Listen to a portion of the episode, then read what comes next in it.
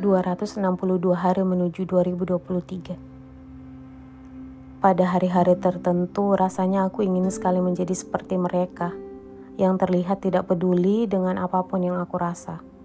Mereka bisa menjadi sangat egois dan berlaku sesukanya, tetapi kenapa aku tidak bisa? Setelah beberapa malam yang kuhabiskan untuk merenungi hal ini, aku menemukan satu hal yang membuatku berbeda dari mereka. Satu hal yang menjadikanku tidak bisa setega mereka.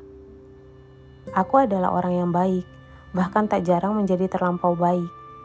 Aku tidak bisa melihat mereka kesusahan karena aku tahu bahwa hal itu akan sangat menyakitkan.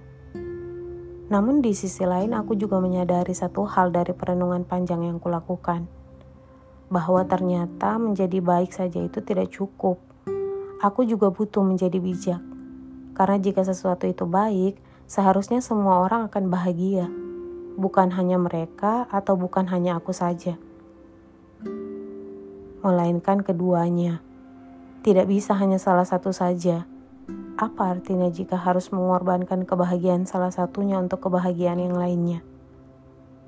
Mulai sekarang, aku akan belajar menjadi lebih bijak, mulai bersikap sesuai dengan porsinya, tidak berlebihan atau terlalu kurang. Karena aku pikir Bukan hanya mereka yang layak untuk bahagia. Aku di sini juga berhak untuk merasakan bahagia yang sama. Akan ku beritahu sekali lagi bahwa menyenangkan semua orang adalah sebuah kemustahilan.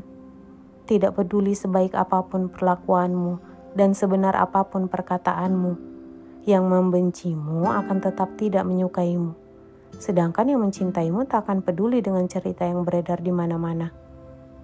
Berbahagialah dengan cara yang paling baik menurutmu, tanpa harus merasa untuk menjaga perasaan seseorang di luar sana. Sebab, jika hati dan akal mereka sehat, kamu tak perlu berucap pun, mereka akan tahu bagaimana caranya bersikap.